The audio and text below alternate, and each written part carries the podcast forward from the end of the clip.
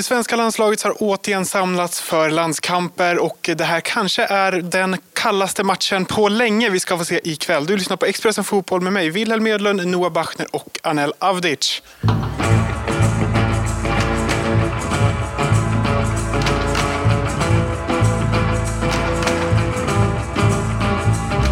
Ja, ikväll är det landskamp och det är kanske den tröttaste landskampen som har spelats på åratal. Ja, verkligen. Eh, vi var ju på en fin pressträff här eh, igår och då fick vi faktiskt eh, liksom chansen att ställa lite frågor till både Jan Andersson och lagkapten Viktor Claesson och även folket runt landslaget. Och Eh, biljettsiffran är väl eh, 8000, ja 8 och 6 tror jag de sa. Eh, och det är ju ett eh, fiasko såklart och ett väldigt svalt intresse för, för eh, svenska landslaget. Och någonstans så kan man väl inte, eh, man kan inte, eller man, man, man har ju väldigt lätt att förstå eh, de svenska fansen varför de har svårt att ta sig till Friends i de här tiderna. Dels är det väl eh, på grund av resultatet de senaste månaderna och kanske det senaste året och eh, sen är det också en ganska kall motståndare på andra sidan och dessutom oktober och en sen avspark. Så att, eh, ja, det är klart att det har varit muntrare runt blågult. Det är som du säger, det är förståeligt att det inte kommer så mycket folk. Jesper Karlsson fick frågan om han hade gått och sett matchen om han inte hade spelat den själv och svarade lite halvsvävande.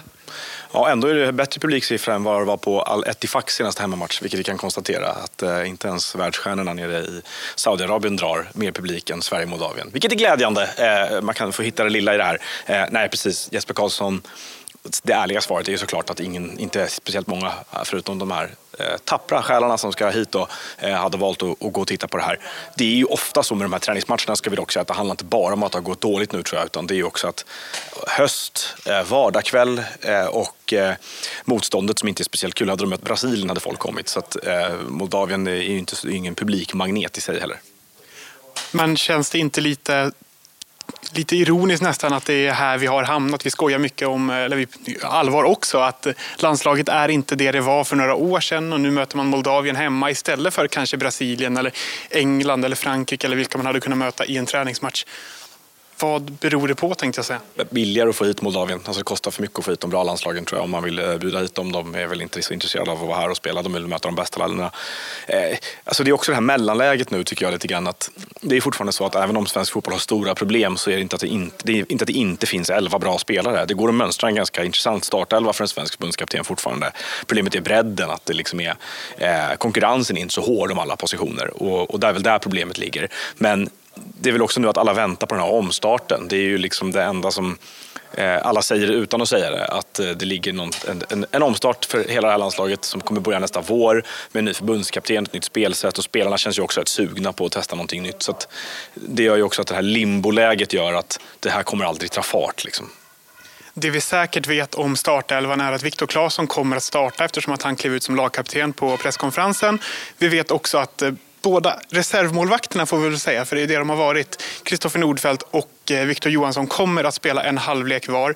När Janne fick frågan om hur, eller vad, man skulle, vad han skulle locka hit folk med så var det väl, eh, han skrattade bort det och sa ja men nu har jag sagt vilka som står i mål, tror ni det lockar folk? Vad tror vi om startelvan? Eh, nej, men jag tror väl kanske att eh, vi får väl kanske se ett, eh, eller en backlinje med eh, Emil Holm som högerback, eh, om jag får tippa lite. Eh, Karl Starfelt och eh, eh Gustav Lagerbielke. eventuellt att de tar plats där och sen till vänster Gabriel, Gabriel Gudmundsson som kallades in här. och sen är det väl ganska, jag tar för givet att Elanga får en, eller får en startplats och att Jesper Karlsson får den andra på så att de tar respektive kant. Eh, sen är det väl ganska Ganska öppet tycker jag. Eh, Quaison får man väl nästan ta, få ta för givet att han startar. Det har han ju alltid och han brukar ju oftast göra det bra också i de här matcherna. Eh, så att eh, någonstans där. Sen eh, kanske Noah har sina centrala mittfältskandidater han kan bjuda på. Kanske en till anfallare. Ja, du får fylla i. Claesson ska in någonstans. Ja, precis. Jag skulle inte förvåna mig om han spelar forward tillsammans med Quaison imorgon och att de spelar Hugo Larsson på mitten. Eh, även att Marcus Rodén får speltid faktiskt, skulle jag tro, från start. Eh, de skulle göra mycket byten i halvtid, så det är väl ett par av de här spelarna som roteras ut då. Men jag skulle tro att Ekdal och Kajust är de som går först, eh, lagom till eh, matchen mot Belgien. Och att då är det Forsberg till vänster och eh, Kulusevski till höger eh, med, med Gyökeres och någon annan på topp. Då. Vi får väl se vem det blir. Välkommen till Coolbet där spänningen aldrig tar slut och underhållningen står i centrum. Här får du inte bara Sveriges bästa fotbollsodds, du får också en spel...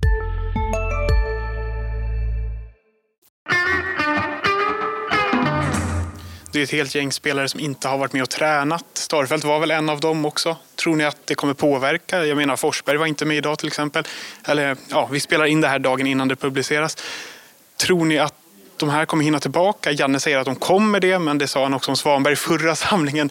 Hur mycket kan man lita på att de här spelarna kan vara med och spela? Nej, men jag tror väl inte att det är någon fara för Olsen och Forsberg mot Belgien och Starfelt skulle han inte kunna spela imorgon kan vi alltid peta in en sån som Filip Helander som har börjat spela igen i Odense i Danmark och sådär. Så att, och det är säkert efterlängtat för honom att, att få dra på sig landslagströjan igen efter, ja det känns som att sist han spelade för landslaget var, ja, det var en väldigt massa år sedan. Eh, tyvärr på grund av eh, skadeproblematik och så. så att, eh, med de två förstnämnda så är det nog lugnt. Starfelt, där finns det väl ändå alternativ om han inte skulle kunna kliva ut eh, på Friends landslaget och Janne har ju varit öppna med att han kommer kliva av efter det här eh, kvalet och om de går vidare kommer han köra EM och sen kliva av. Och när spelarna har fått frågan om vem de tycker ska ta över så är det ingen som riktigt vågar, vågar svara och ge ett namn. Varför vågar de inte bara säga ett namn?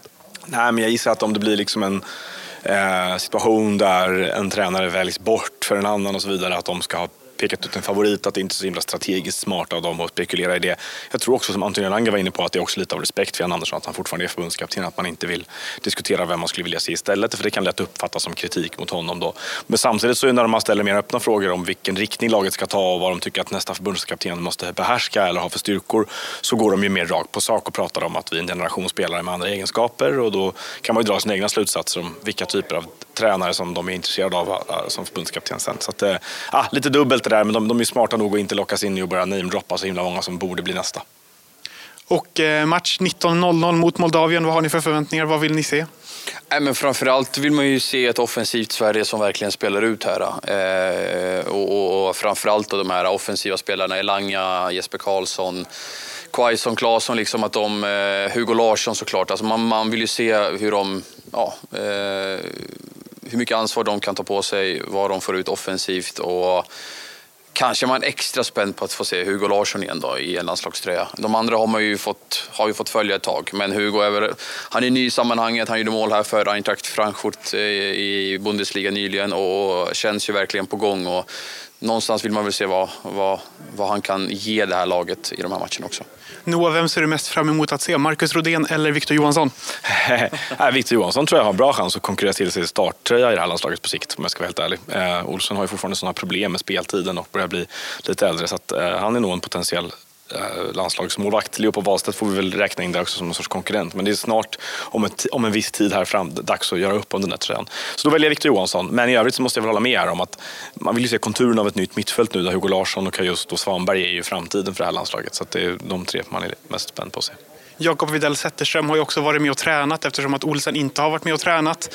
Kommer han också att eh, liksom, vara någon på sikt eller är han mest här för att han håller till i Stockholm? Jag tror att det är en blandning av det. Men däremot så är han väl utifrån sina prestationer i Allsvenskan ett mer logiskt val än Kristoffer Nordfeldt får man säga, sett till den här säsongen inte minst. Så att, men det finns ju flera målvakter i Allsvenskan som skulle kunna vara med och konkurrera. Men det är klart att han har ju varit eh, i, i, andra landslag tidigare och är ju begåvad. Liksom, man väntar väl på att han eventuellt ska, ska flytta utomlands så småningom. Så det skulle inte förvåna mig om han är med i diskussionerna framöver heller. Hej, Ulf Kristersson här. På många sätt är det en mörk tid vi lever i. Men nu tar vi ett stort steg för att göra Sverige till en tryggare och säkrare plats. Sverige är nu medlem i Nato. En för alla, alla för en. Vi är specialister på det vi gör, precis som du. Därför försäkrar vi på Swedea bara småföretag, som ditt.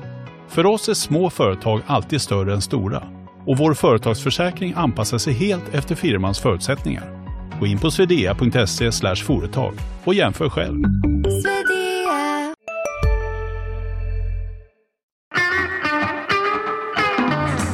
Sist men inte minst, slutresultat målskyttar? Eh, 2-0 Sverige. Eh, målskyttar blir Elanga och Karlsson. 4-0 till Sverige säger jag då. Eh, målskyttar blir Quaison gör två, han gör alltid mål. Och eh, Claesson. Eh, och sen så nickar Lagerbjälke in ett mål också. Jag säger då 3-0 Sverige och eh, jag säger att eh, Claesson gör alla tre. Det återstår att se. Ikväll är det match. Tack för att ni har lyssnat på Expressen Fotboll. Vi är tillbaka redan imorgon.